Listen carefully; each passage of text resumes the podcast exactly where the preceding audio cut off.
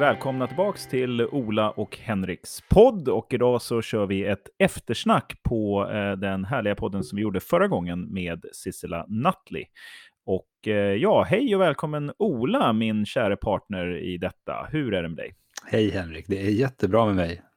Jag mår som en prins får jag säga. Det har varit en otroligt härlig vecka och väldigt mycket roliga saker som pågår just nu. Så att eh, mm, allt är tipptopp. Hur är det med dig? Mycket bra, samma sak här faktiskt. Eh, lite på efterkälken med allting för att jag har så mycket roliga aktiviteter som händer så här års. Men, eh, men det, vi kommer ikapp. Man har ju hela livet på sig. Så att... det, brukar ju, det brukar ju vara så. Jag minns en gång du sa så här Ola, att eh, när folk säger att vi, jag har inte tid, så sa du så här, alla har lika mycket tid eh, på en dag. Ja. det handlar bara om prioritering. Jag brukar tänka på det ibland, att det är ju väldigt sant. Mm. Ja, mm, verkligen. Nej, så är det. Det, det där är en ständigt, uh, ständig diskussion. Men uh, det är faktiskt intressant hur tiden också är väldigt, väldigt, uh, ett väldigt subjektivt fenomen på inte bara relativistisk nivå utan faktiskt för oss allihopa. Så att jag är glad att vi ägnar den här tiden åt att prata med varandra mm. på det här viset. Eftersnack, de funkar ju så här att vi har haft en intervju med en gäst och sen så har vi eh, lyssnat igenom lite och liksom tänkt och, eh, på vad vi har lärt oss och så. Och sen så kör vi en liten sån här reflektionsavsnitt och det är det vi gör idag. Då undrar jag lite grann så här, vad, vad tycker du att vi ska prata om och vad har du tagit med dig från avsnittet med eh, Sissela? För det första så var det ju ett väldigt, eh, alltså som, som avsnitt betraktat så var det ju väldigt härligt att ha någon som, som, som verkligen kunde sina saker. Nej, men, men eh, så att säga med, med, med all respekt för, för, för vår input och kompetens och så där så Sissela är ju verkligen en, en expert inom sitt område, kan verkligen det här med, med just både, både de neuropsykologiska bitarna och, och har specialiserat sig just på det här med, med sånt som har med sociala medier och, och göra och, och relationen och inte minst det här med hjärnan som utvecklas och hur den påverkas. Så, där. så att jag tyckte det var en av de viktigaste bitarna var liksom faktiskt också att få, få vara med, med, med den med lite mer fördjupade kunskapen där. Så att eh, jag tänker att eh, liksom, reflektionerna och hur det påverkar det vi pratar om, just det här med att åstadkomma ett gott samtal i sociala medier, eh, det är väl egentligen det så att säga. Och jag tror att eh, vi har nog båda våra, våra egna perspektiv på den frågan. Så att egentligen, jag tror att jag börjar med att fråga dig vad, vad var de viktigaste grejerna du tog med dig och eh, hur har det påverkat dig fram tills nu? Eh, ja, det blev väldigt mycket medtag för mig. Ehm, och ett av dem, alltså det här är inte för att kasta någon skugga på några andra samtal vi har haft eller några andra gäster vi har haft eller något sånt där. Men det var någonting med Sisselas eh, input i den här i det samtalet som vi hade med henne som verkligen triggade mig på ett positivt sätt, ska jag säga, i att verkligen, vad ska man säga, ge mig ut på någon slags, gå tillbaks till skolbänken tror jag nästan, sätta mig i, i klassrummet igen och börja jobba med saker eh, som jag trodde att jag kunde, men som jag efter samtalet med Sissela insåg att jag inte hade utforskat så mycket som man eh, skulle nog behöva göra eh, om man vill, om man har ambitionen att få till goda samtal eh, på sociala medier. Och mm. Jag har i efterhand försökt liksom förstå vad var det som hände där egentligen. Och det jag tror hände var att jag installerade med Sissilas hjälp här över sommaren också, efter det här samtalet, det som jag nu kommer att kalla eh, möta människor där de är 3.0. och anledningen till att jag pratar om det på det sättet är för att du, Ola, som är coach och sådär och eh, ledarskapsutvecklare, du vet ju hur viktigt det är att möta människor där de är när man ska ha ett samtal med dem, särskilt om man vill lösa några problem tillsammans eller om man vill utvecklas i någon viss riktning och sådär. Och vad det betyder är ju att man måste ta hänsyn till här, var människor kommer ifrån, vad de har för perspektiv på frågan, vad de har för bakgrund och vart de befinner sig just nu i nuläget. Eh, för att man ska kunna mötas och verkligen få en bra samtalspartner i andra människor så att säga. Eh, och det där har jag också förstått, även om jag är en enkel, en enkel, en enkel människa, eh, så har jag också förstått det där, eh, tänkte jag. Och min första insikt kring det här med liksom att möta människor där det är, det fick jag redan under universitetstiden, min handledare eh, sa så här till mig att det, när du skriver Henrik så måste du tänka på att dina läsare hela tiden vill tänka på någonting annat än det du försöker berätta med det du skriver. Så att du är hela tiden i konkurrens med läsarens sådär, alla andra tankar som de vill tänka. Och det var ett väldigt bra tips, och så är det ju verkligen. Och, och det tog jag med mig, och det, har haft fram, det perspektivet har jag haft framgång med när det gäller liksom kommunikation och samtal med andra. Uh, så det var liksom möta människor där de är 1.0 för mig, om man säger så. 2.0, den kom senare och den handlar om, tror jag, just det här att möta människor där de är i sitt i sitt psykologiska sammanhang, eller vad man ska säga, sitt mm. sociala sammanhang. Alltså eh, bakgrunden de tar med sig in i samtalet, har de liksom, vilken erfarenhet har de av den här typen av samtal som jag försöker ha med dem? Finns det några maktrelationer här mellan oss? Eh, känner de sig som liksom en person som ingen lyssnar på? Mm. Eh, alltså verkligen försöka tänka lite mer kring vad är det här vad finns det för bakgrund och historia och liksom grundförutsättningar här egentligen för att ha det här samtalet. Eh, men alltid på ett väldigt medvetet, alltså saker som folk är, som kan medvetandegöras på ett sätt eh, väldigt mycket. Alltså ja, du är ju eh, Sverigedemokrat och du är van då att folk tycker att du eh, röstar på fel parti. Så att om jag vill diskutera Socialdemok eh, Sverigedemokraternas politik med dig, då eh, kommer du nog antagligen att eh, vara lite sådär i försvarsställning redan från början. Du kommer förvänta dig att här kommer liksom en till attack. Sådär. Eh, och, det, och, och det räcker ju ganska långt att bara ha de två så här Uh, möta människor där de är 1.0 och 2.0. Har man, har man installerat de två paketen så kan man ha ganska mycket framgång i att ha bra samtal med människor. Och så där. Men det som Sissla fick mig att inse, det var att det finns också ett liksom kognitivt, evolutionärbiologiskt nästan lager på det här som jag aldrig har riktigt hanterat som liksom en medveten del i en samtalsstrategi. Att förstå att så här, vi, och även jag själv, alltså inte bara möta andra människor där de är kognitivt och liksom evolutions, bio, evolutionärbiologiskt, men även möta mig själv där jag är i de här sakerna och inse liksom vad jag kan bidra med för att det ska bli ett bra samtal och sådär. Så, så för mig så handlade det om att jag nog faktiskt har bortsett från en hel del saker som är väldigt viktiga. Och, och då inser jag att jag kan inte så mycket om de här sakerna och jag måste gå och läsa på lite grann om, om det här. Eh, och det ledde mig på resa där jag började läsa en massa böcker över sommaren om det här och, och det ledde mig även in på djupare insikter kring både 1.0 och 2.0, alltså att fördjupa. Så det var, det var liksom back to school för mig och mm. eh, väldigt intressant resa. Eh. Mm. Vad, vad, vad plockade du upp längs vägen då, liksom i, i den här 3.0-övergången så att säga? Vad, vad, vad tillskansar du dig så att säga genom den här läsningen till exempel? Ja, det var ju en bra eh, fråga. Det var mycket ska jag säga. Men jag kan tipsa om en bok som jag läste eh, som heter How to have impossible conversations, a very practical guide. Och det är två stycken eh, personer som har skrivit den, James Lindsay och Peter Bogosian. Eh, och det är en, den ena är jag vet inte vilken. Den ena är filosof, eh, filosof och den andra är matematiker. Men de har hållit på och pratat med liksom, såna extremister i typ fängelsemiljöer och eh, så religiösa fanatiker och massa sådana grejer. De har liksom, hur kan man ha den här typen av konversationer med folk som man verkligen liksom inte håller med dem, eh, eh, håller med, som man inte håller med. Och, och, personer som verkligen inte håller med en själv, eller liksom tycker att man själv är någon slags, har någon slags stereotyp idé om vem man är och vad man kommer med här egentligen och vad man vill i de här samtalen och så. Och det, jag lärde mig eh, en massa saker i det. Jag kan ta några, några, några exempel. Då. Men en sak är just det här med att förstå att sätta upp flera alternativa mål för det goda samtalet. Eh, där liksom det högsta målet då kanske är, så, och sen vara medveten om dem, men också kunna skifta mål.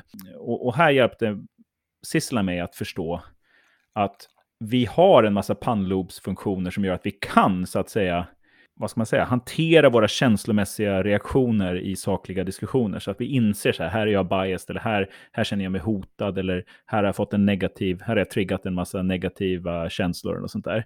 Vi kan göra det. Mm. Men vi sitter också, vi kan inte bara göra det, vi har liksom, de här skadan är redan skedd ibland. Alltså när man, man triggar någon så är skadan redan skedd. Och därför så kan man, man kan inte bara ha som, man kan inte bara ha som mål eller liksom strategi att på något rationellt sätt försöka få igång de här rationella pannlobsfunktionerna.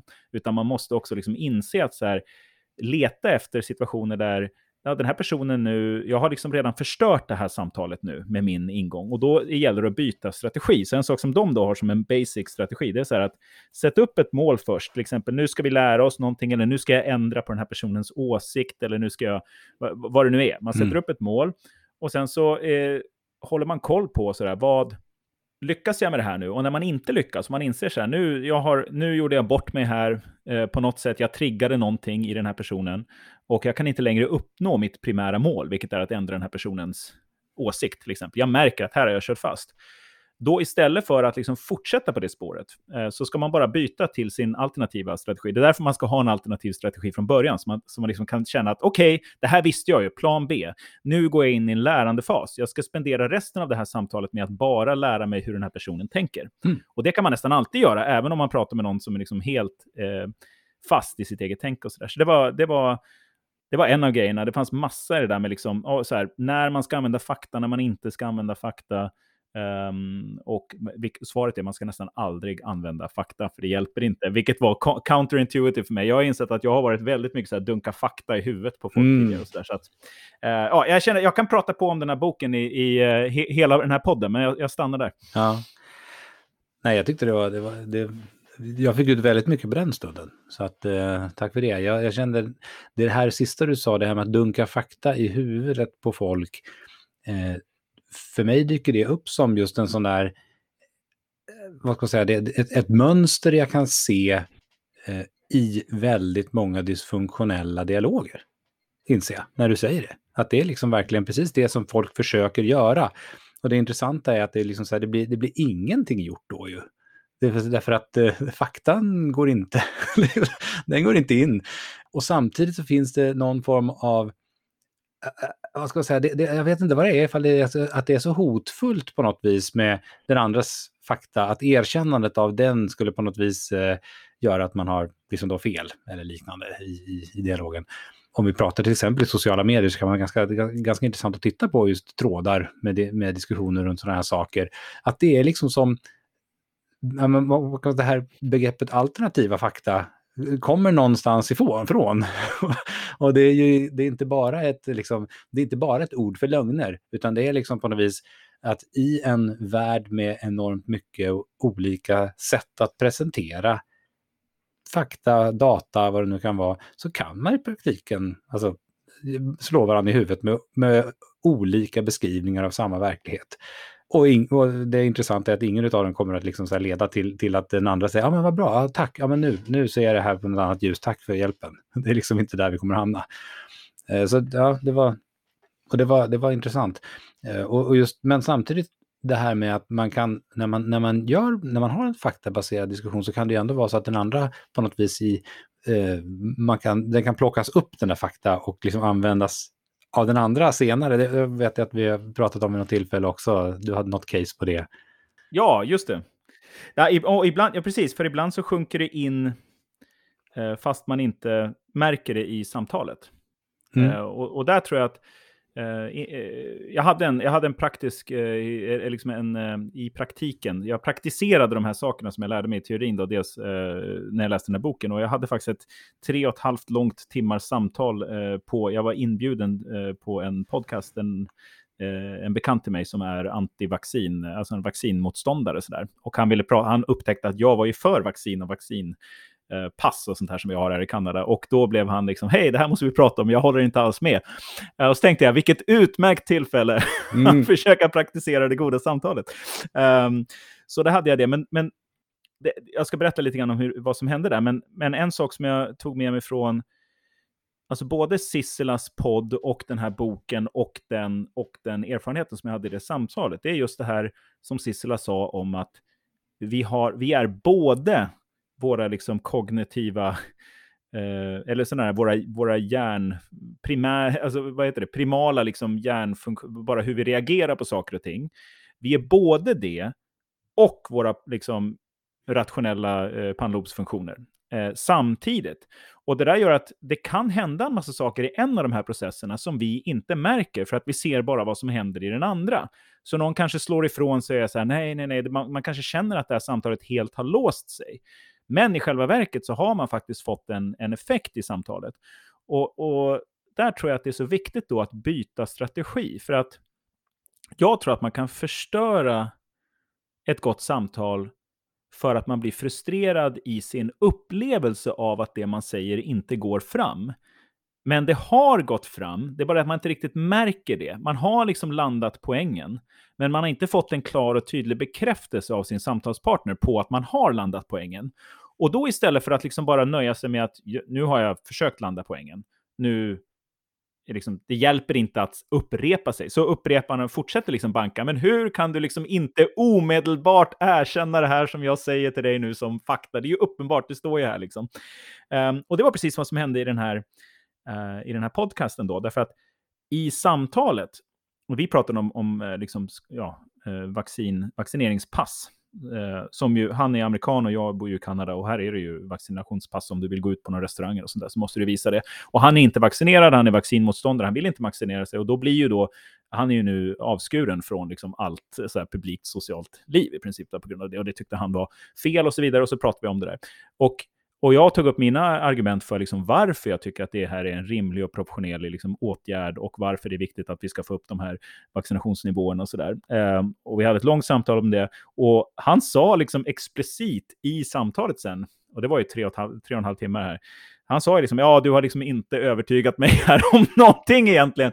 Alltså, han, han var väldigt vänlig och sådär, men han var liksom, ja, eh, ja, ja du, du, har inte ändrat liksom min åsikt här.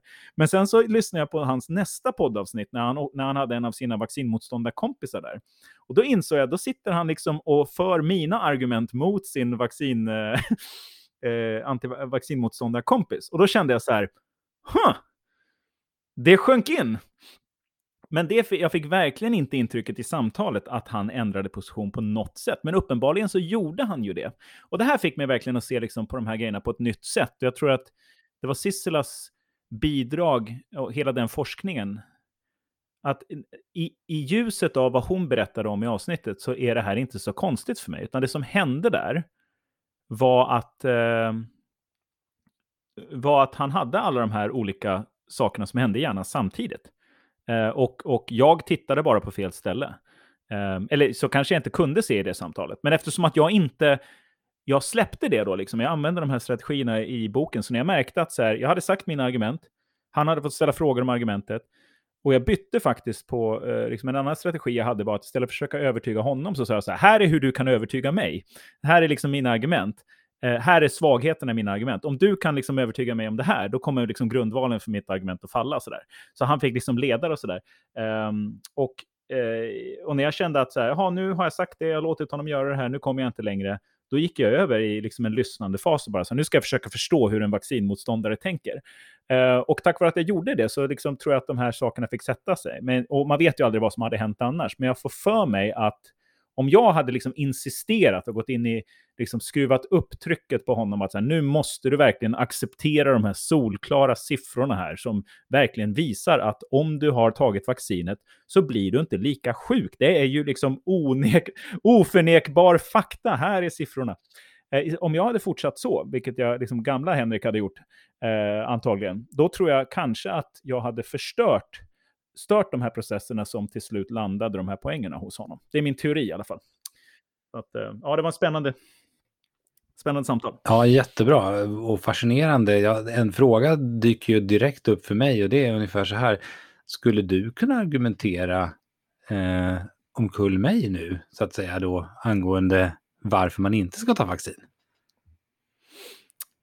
Eh, det, ja, du är ju en formidabel motståndare här, Ola, och extremt tjursk. Nej, jag skojar. men, nej, men det tror jag alltså, definitivt. Det här var ju tvåvägs...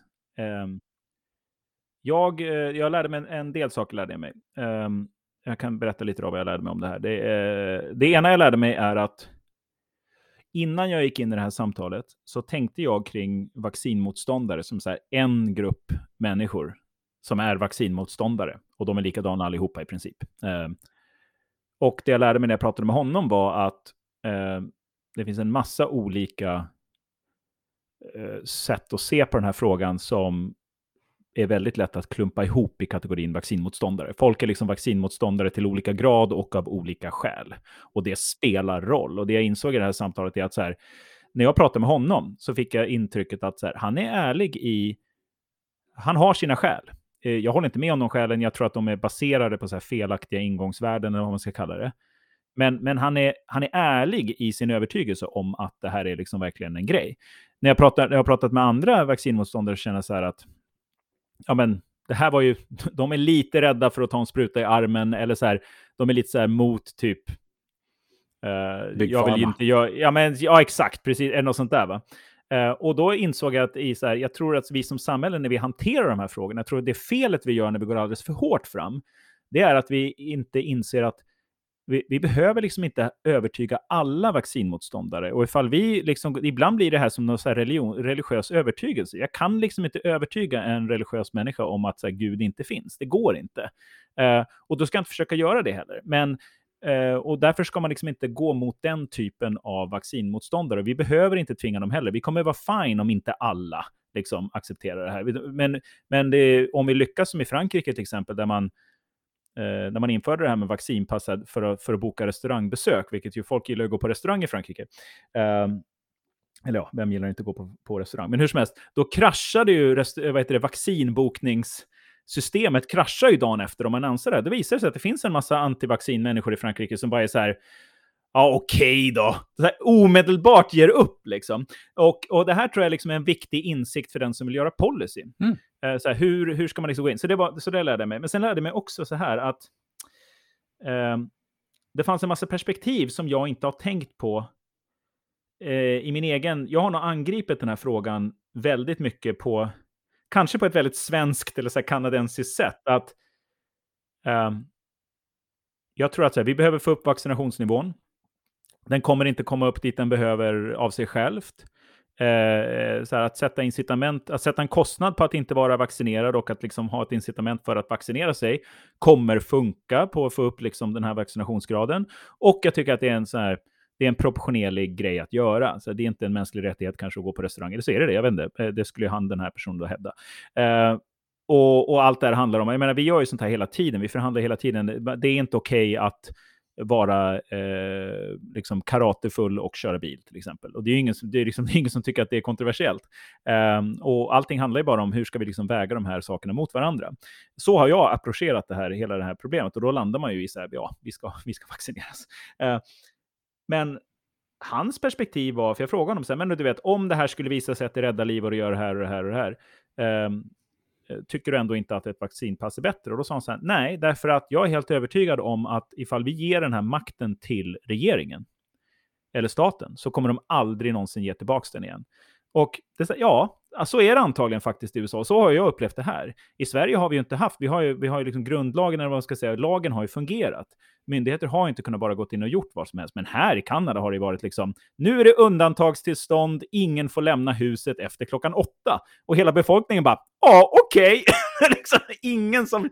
Så att man ser ju liksom hur de så här, det här försvaret mot, den biten har jag liksom inte riktigt vägt in. Att han är så här, ja, det här skulle, han sa till och med till mig en gång så här i samtalet att du vet, ifall all den här datan som du lutar emot och så här, så tycker jag att ditt argument är logiskt, Henrik. Och så här, jag skulle kunna vara för det, men även om du har rätt så tycker inte jag att det är värt det. Därför att jag tror att det är långsiktigt det är mycket, mycket skadligare och farligare att ge den här typen av befogenheter till eh, staten. Mm, det. Eh, och det var så, sånt hade jag mm. aldrig ens tänkt på, så det var någonting jag lärde mig. Mm, mm. bra.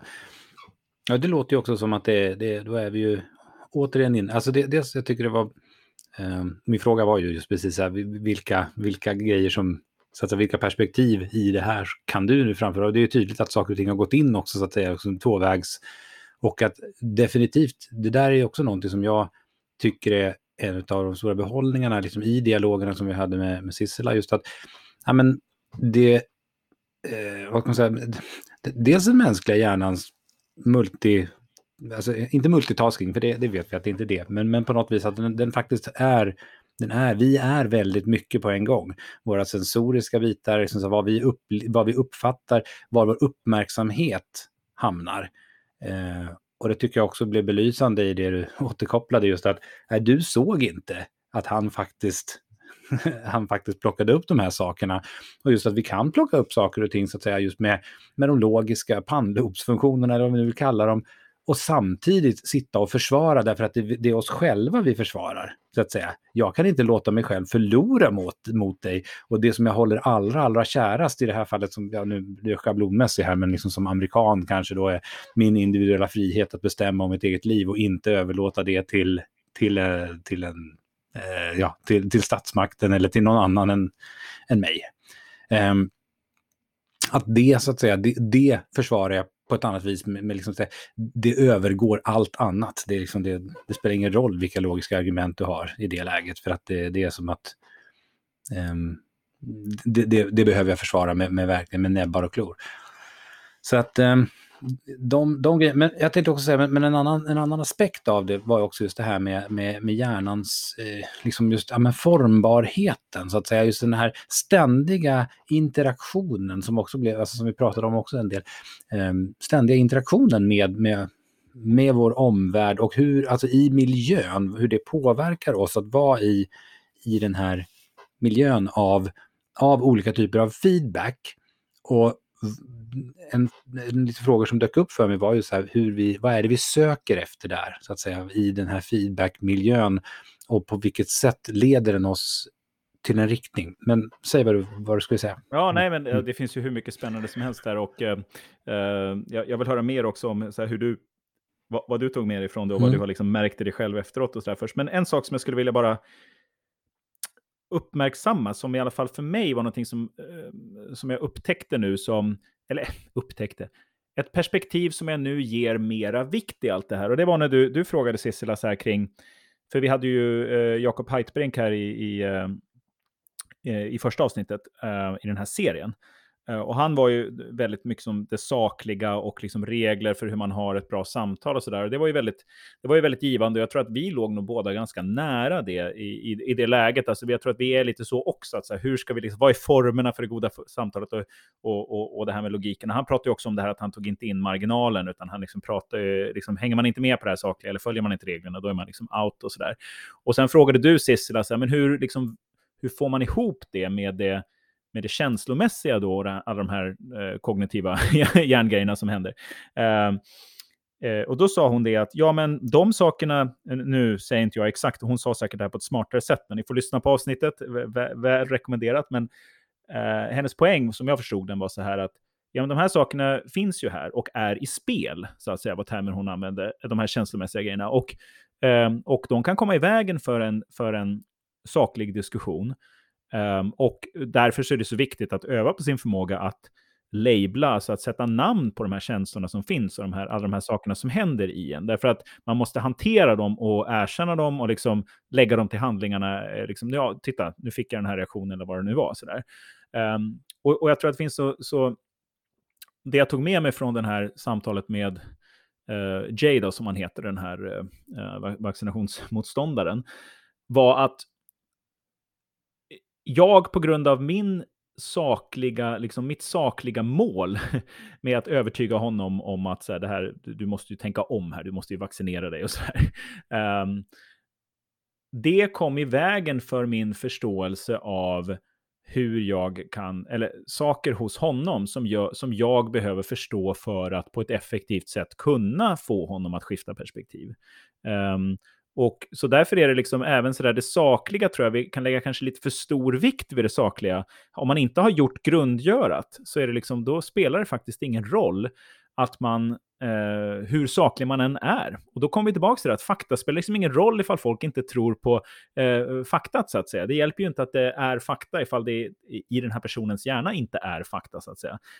Um, och där tror jag också att den här strategin med att hela tiden tänka på vad målet är, och att vara villig att ändra mål för samtalet eh, blir så viktigt. Därför att då, då kan man lära sig de här grejerna eh, som handlar om känslor och sånt här lite fassig grejer, va? men som lägger grunden för en bättre sakligt samtal nästa gång. Så att du, liksom, du använder hela tiden de här båda liksom, aspekterna, eller det finns ju flera, det är ju inte bara två aspekter, men man använder dem hela tiden i, i någon slags eh, eh dynamik där för att, eh, för att bygga ett samtal som inte bara är liksom en transaktion, utan ett samtal som är en relation, att man över tid lär sig och sådär. Och, um, och då för att få en liten segway, eh, du får gärna reflektera kring, kring det jag nu sa om du vill, men jag har ju märkt i dig, Ola, och vi pratade lite grann om det här innan, en, eh, en resa kring när jag lyssnar tillbaka på våra gamla podcasts och när jag liksom tänker tillbaka på gamla samtal som vi har haft, så har jag insett att det hela tiden hos dig har funnits liksom en, om jag, får, om jag får labla dig lite grann här nu då, så jag tror att du, du är en sån här människa som brinner för utveckling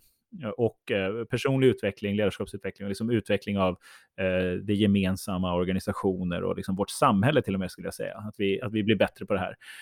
Um, och det är väldigt, eh, det har du haft väldigt stor framgång med i ditt personliga liv och i ditt professionella liv. Jag menar, jag tror, jag tror du är en av liksom Sveriges auktoriteter på det här med liksom, eh, kontinuerligt lärande och sådana här saker. Um, men jag tror att jag har känt i dig liksom en frustration kring eh, att det här är så svårt att göra på, på sociala medier. Uh, och jag skulle vilja att vi, eh, jag tycker det är väldigt intressant, för jag, jag ser liksom på din, din resa du är på att att du har lärt dig liksom, under samtalens lopp, och inte bara inom ramen för vår podcast förstås, men även som men man utvecklas ju även utanför de här poddarna.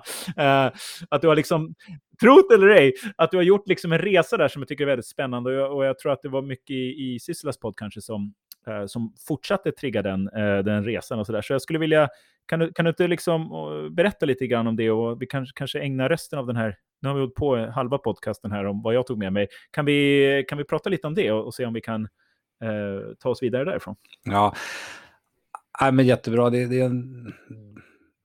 Tack för erkännandena först och främst. Det, var, det, det, det, känns, det känns fint att höra också det här, för att det är verkligen, ja, jag brinner för utveckling och eh, jag har en oerhört stor tro, djup tro verkligen på på den mänskliga möjligheten och samtalet, eh, samtalets möjligheter. Det är ju därför som, jag, som, som vi har gett oss in på den här resan.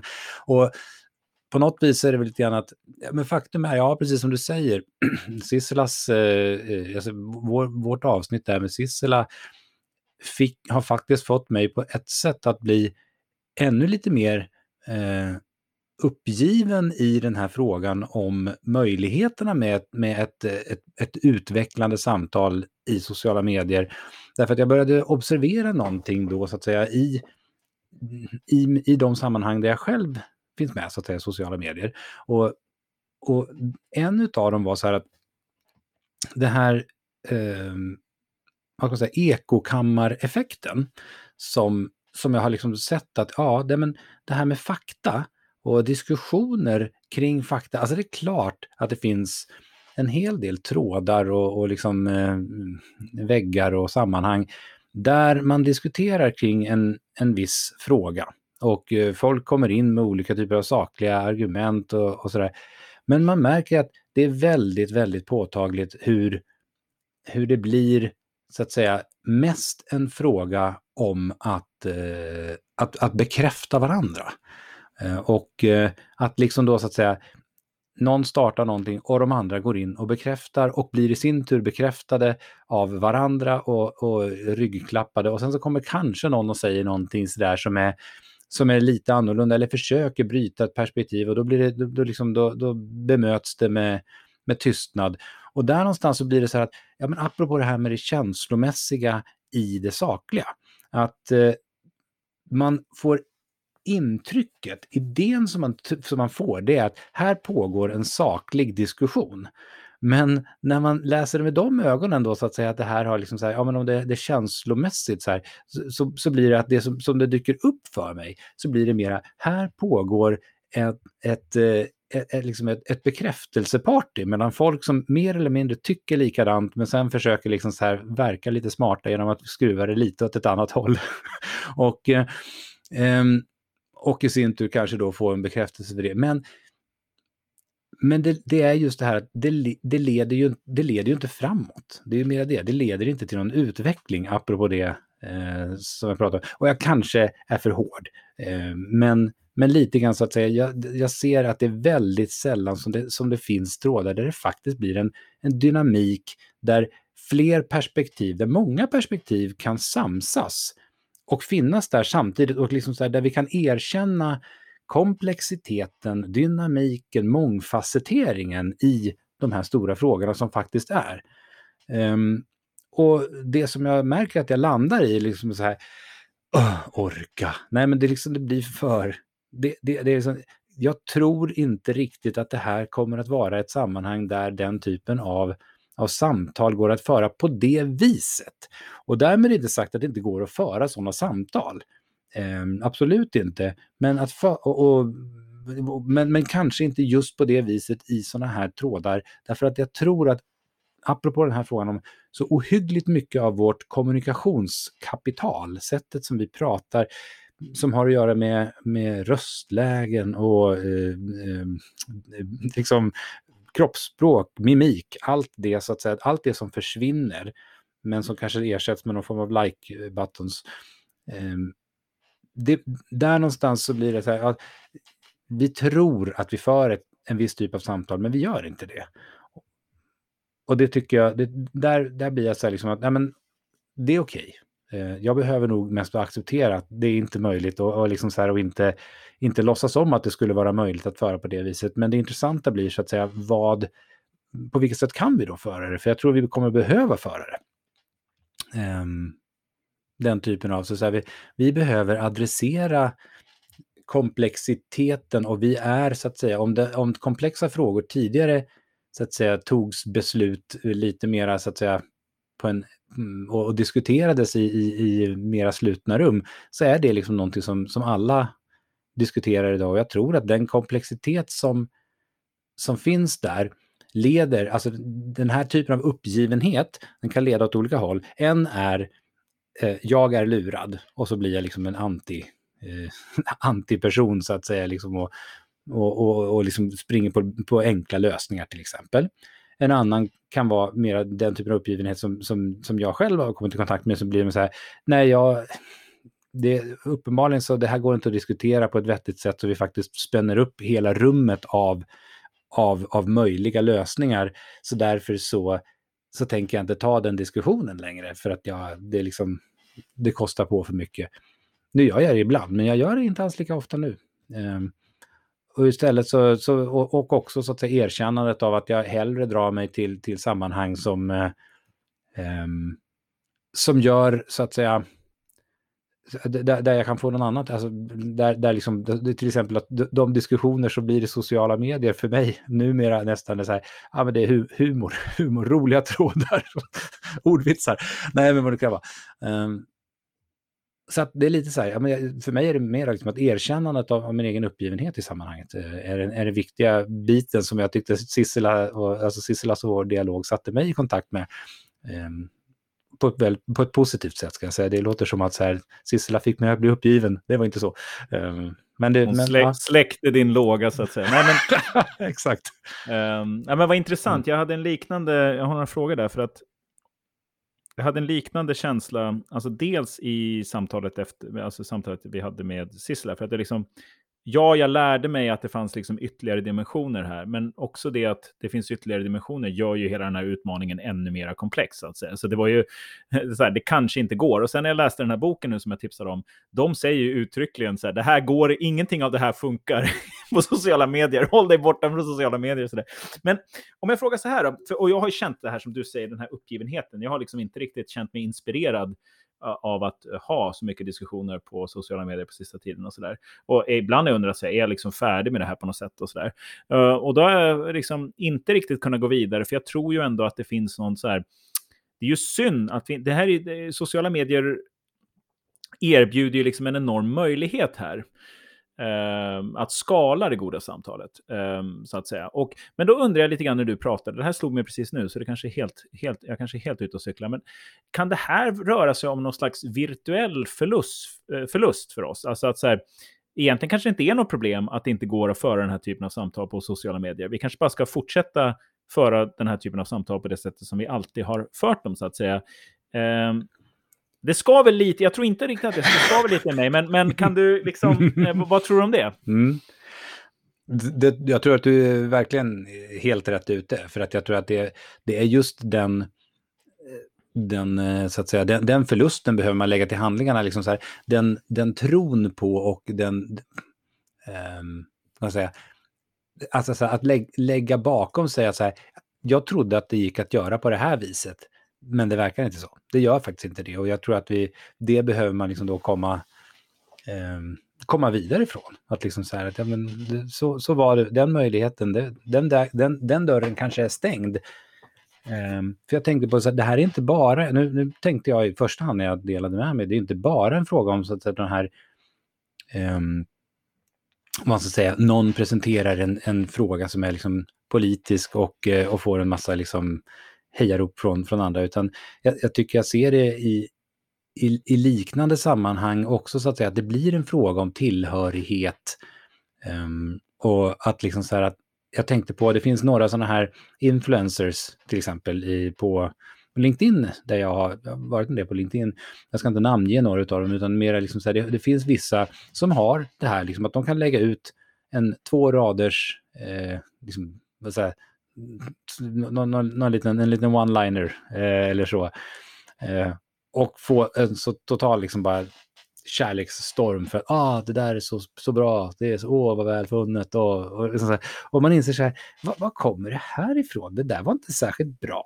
Det var ingenting särskilt med det.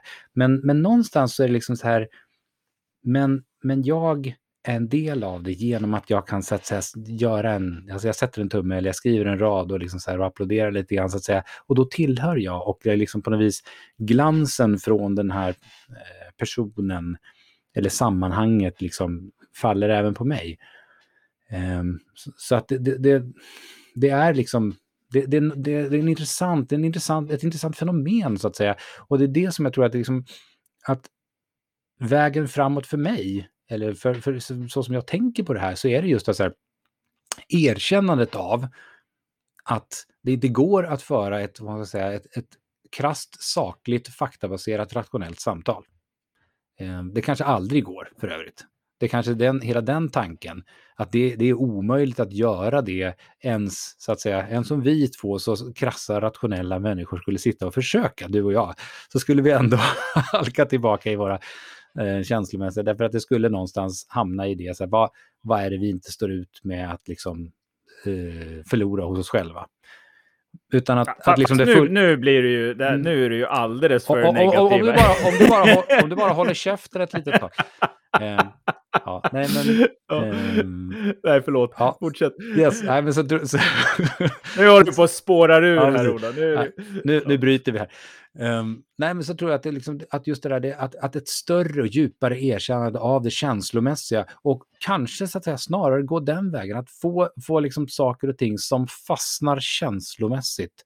Att det är det, det som är på något vis vägen och det är lite grann att det är ju erkännandet av ett, ett, ett annat sätt att förhålla sig till det. Um, och jag tror att där någonstans går vägen framåt för mig. Och det intressanta blir så här, hur integrerar man det? Så att det inte blir så här att man helt och hållet bara kastar...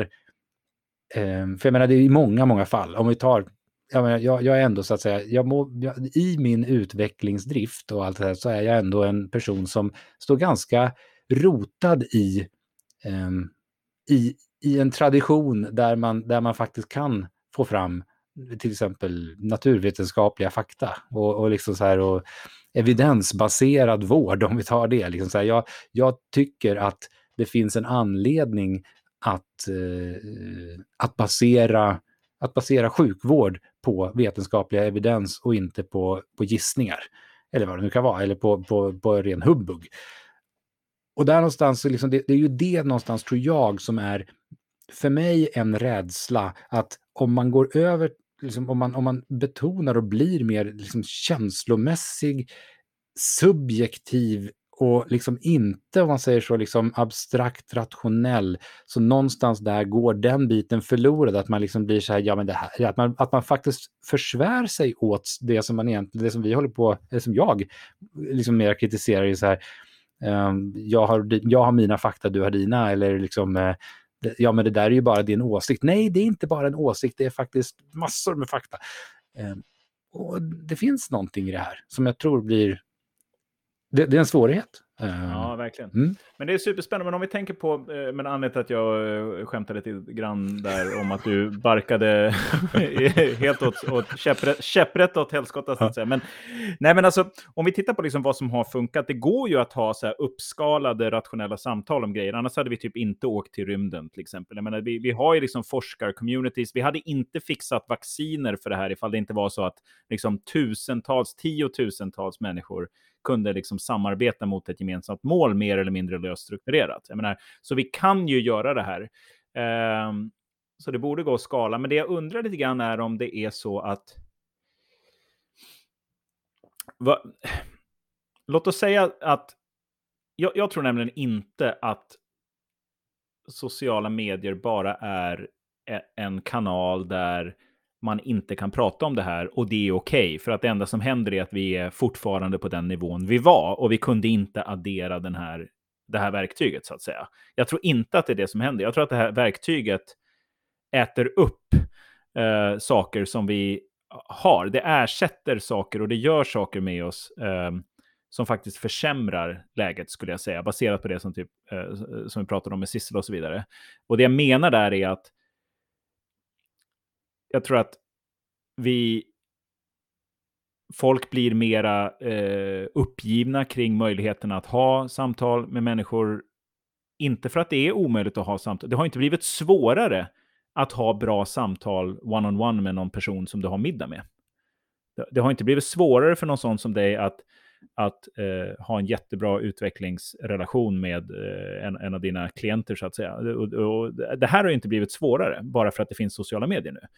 Men jag tror att det finns en känsla av att det här inte går, därför att om vi, vi lever i mycket större del på, liksom, i större grad på sociala medier och vi har den här typen av samtal. Så, så här, erfarenheten av att prata med andra människor har nog blivit sämre, därför att en mycket större andel av våra samtal med andra människor, eller det som vi upplever som samtal med andra människor, sker i ett forum där förutsättningarna för goda samtal är sämre. Så jag tror så här, den mänskliga erfarenheten av att faktiskt ha ett rationellt gott samtal med någon eh, har blivit sämre eventuellt. Eh, och det här tror jag, liksom, det är därför för mig som det skaver i att ge upp. Liksom för sociala medier kommer ju inte försvinna. Så att det är så här, att, att försöka modellera ett bra beteende för hur man pratar med folk på sociala medier och att försöka få till de här samtalen i sociala medier. Det är ändå liksom, eh, det vore ju det mest, den enklaste lösningen kanske på det här problemet då, att, att, eh, att, folk, har, att folk bara ser att det är eh, att, det, att det inte funkar så att säga. Så att jag undrar om det finns någonting där som... Frågan är då, går det? Mm. och det är där som jag fortfarande känner så här, nej, jag vet inte. Mm. Jag vet inte om det mm. fortfarande går, baserat på det vi har lärt oss hittills. Men den här poddserien handlar ju om så här, hur kan vi få till goda samtal på, på sociala medier. Jag känner båda vi har nu liksom, vi är bara på avsnitt fyra och vi har redan gett upp liksom. Lite grann så, det här, det här går, det går aldrig. Mm. Um, vad, vad, vad driver liksom dig? För jag känner att, eh, skämt åsido, så vi har ju liksom inte gett upp känner jag. Uh, vad är det som liksom driver dig fortsatt här i att fortsätta ja.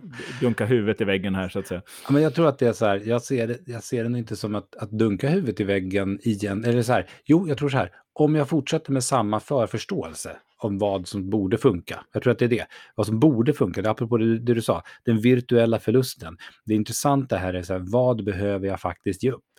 Eh, för det är någonting jag behöver ge upp för att liksom så att säga kunna hitta vägen framåt. Eh, liksom, inte bara jag, utan som vi. Och som jag tror det, det är... Um, um, så att säga att se, till exempel en typisk grej så här, när man, när man hamnar i den där typen av förlusttänkande, då slutar man ju se vad som faktiskt vinsten är och vad som är för, liksom vilka, vilka förutsättningarna är och vad, vad som faktiskt har blivit mycket bättre. Och det är ju, Ehm, det finns ju ett starkt liksom, sånt, sånt narrativ också. Och jag, jag vill egentligen inte eh, bidra till, till det i sig, för jag gillar sociala medier. Jag tycker att liksom, det finns jättemycket bra med det.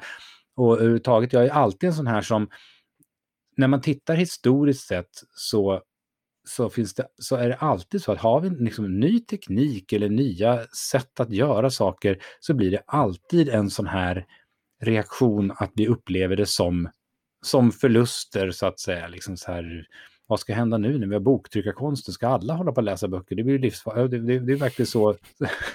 det, verkligen. Och, och, och jag menar, det, det är så här, att bejaka, bejaka utvecklingen, den, den, den finns här. Och vi, det är mer så här att um, jag tror att, att vi, vi måste Eh, det vi måste på något vis göra är att, att hitta och erkänna vad det är i det här som vi faktiskt säger, ja, men nej, men det här, den här delen av det, den är inte meningsfull som en väg framåt. Eh, utan den, den här, vi, vi liksom, men här å andra sidan så finns det en potential. Här finns det någonting som är verkligen, som, som, som där, där det sociala mediesamtalet faktiskt har en helt annan förutsättning som det inte alls har när du och jag sitter och pratar eller när vi sitter vid, vid middagsbordet eller vad det är. Och ehm, eh, det, det intressanta så att säga, frågan som dyker upp för mig, så här, finns det någon som har, som har åstadkommit det? Har vi sett någon som faktiskt har, har skapat det, e-, ett sånt, eh, ett sånt sätt? Eller är det det att vi är lite så här, liksom, vi är blinda därför att vi, så att jag, jag, jag misstänker, man säger baserat på viss erfarenhet av mig själv och andra, eh, som jag har mött, att eh, vi, vi letar lite grann i gatlyktans sken här. Och eh, att Mm, vi, verkligen. vi kanske behöver gå utanför den och leta lite grann på, på mörkare ställen för att se var, var samtalen finns som faktiskt, eh, som faktiskt är eh, liksom de, de, där, alltså, de, de, de goda samtalen som, eh, som vi letar efter. Men vi kanske inte än så länge riktigt känner igen dem om vi ska vara krass.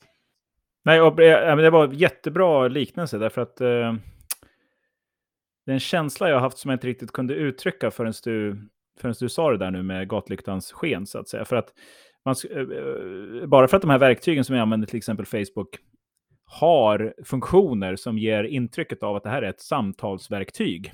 Det här är en samtalsplattform. Så jag kan skriva någonting och sen kan någon kommentera och sen kan jag svara på den kommentaren. Eh, så kanske eh, bara för att det är så, så behöver inte det betyda att det här är en samtalsplattform. Eh, det kan, vi kanske inte ska ha samtal här. Det här kanske är någonting helt annat. Vi kanske ska ha samtal någon annanstans i något annat forum eller någon annan, liksom, eh, något annat verktyg.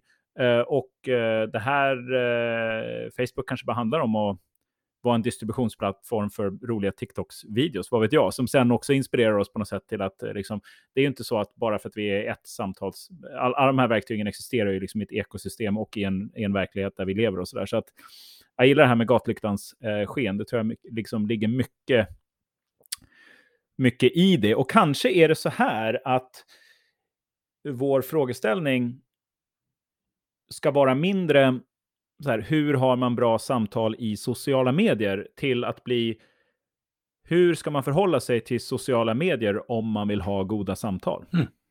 Ja, varför inte?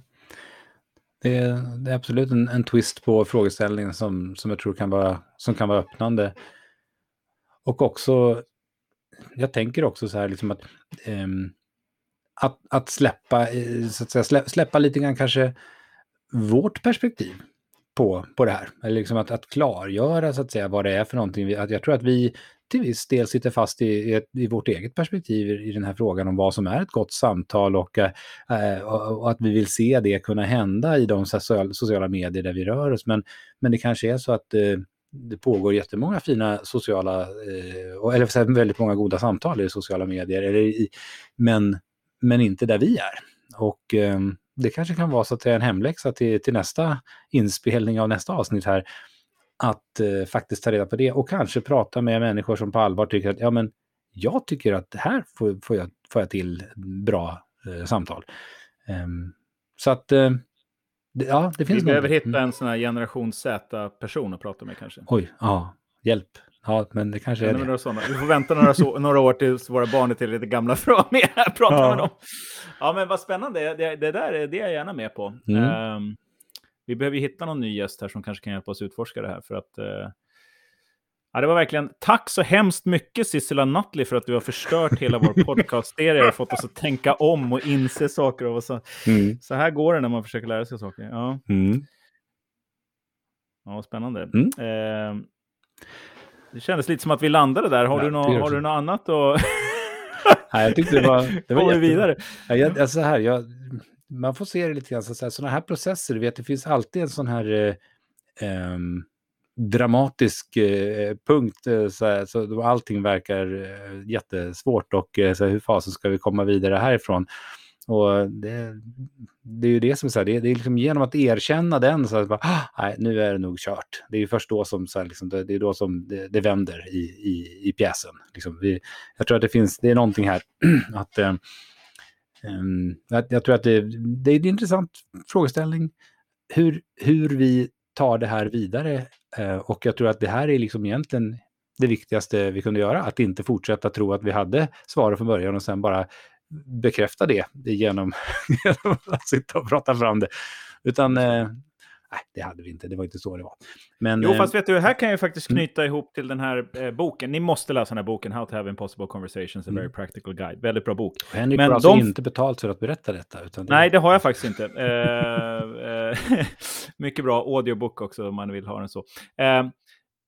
De, eh, jag sa det här tidigare att, att, fakta inte hjälper. De förklarar i den boken varför fakta inte hjälper. Och det här du sa nu är precis liksom, den processen är varför fakta inte hjälper. Därför att vi tror att vi formar eh, teorier och åsikter och liksom synsätt från fakta. Men eh, det vi gör oftast då, det här är ju förenklat förstås, men det är en omvänd process. Att vi har en slags idé om hur saker och ting är och sen så letar vi efter den faktan som liksom passar den modellen. Precis som vi, liksom, om vi inte hade brutit den här processen nu så hade vi gjort precis det. Vi hade tänkt så här, det ska gå att ha eh, goda samtal i sociala medier. Så nu ska vi hitta hur man gör det. Och så hade vi bara letat efter de grejerna och så hade vi hittat det så att säga. Så, att, um, så det blir väl en bra... Vi har säkert fallit i någon annan fälla här nu, men, men det, det, det så är det ju. Uh, vad bra, men du... Uh, några, några slutord här från, eh, från dig, Ola. Vad, vad känner du? Jag tycker det känns jättehärligt. Det, det, var, det var som att eh, vi avslutar genom att erkänna att vi går in i ett paradigmskifte på något vis. Alltså att vi ändrar paradigm just i alltså tankemönster. Um, och naturligtvis med, med ett visst, eh, så att säga, liten så här eh, klump slash pirr i magen för att man faktiskt inte vet vilket det, hur, hur det paradigmet ser ut. Eh, men jag tycker det känns väldigt befriande för jag tror att det kommer bli en, en väldig energi här framöver i att eh, leta sig in på nya marker. Så det är mina slutord. Tack för den här stunden. Ja, tack. Och tack alla lyssnare som har hängt med oss här. Ni får gärna kommentera eh, på våra sociala medier här när vi lägger ut det här. Och eh, tipsa om gäster också. Ni märker hur vilse vi är här. Och eh, förhoppningsvis så känner ni er lite vilse också här nu. Eh, och hit, hjälp oss gärna hitta någon bra gäst som kan Eh, ta det här vidare för oss. Tusen tack och så hörs vi eh, nästa gång. Ha det bra Ola. Ha det bra. Tack för idag. Hej.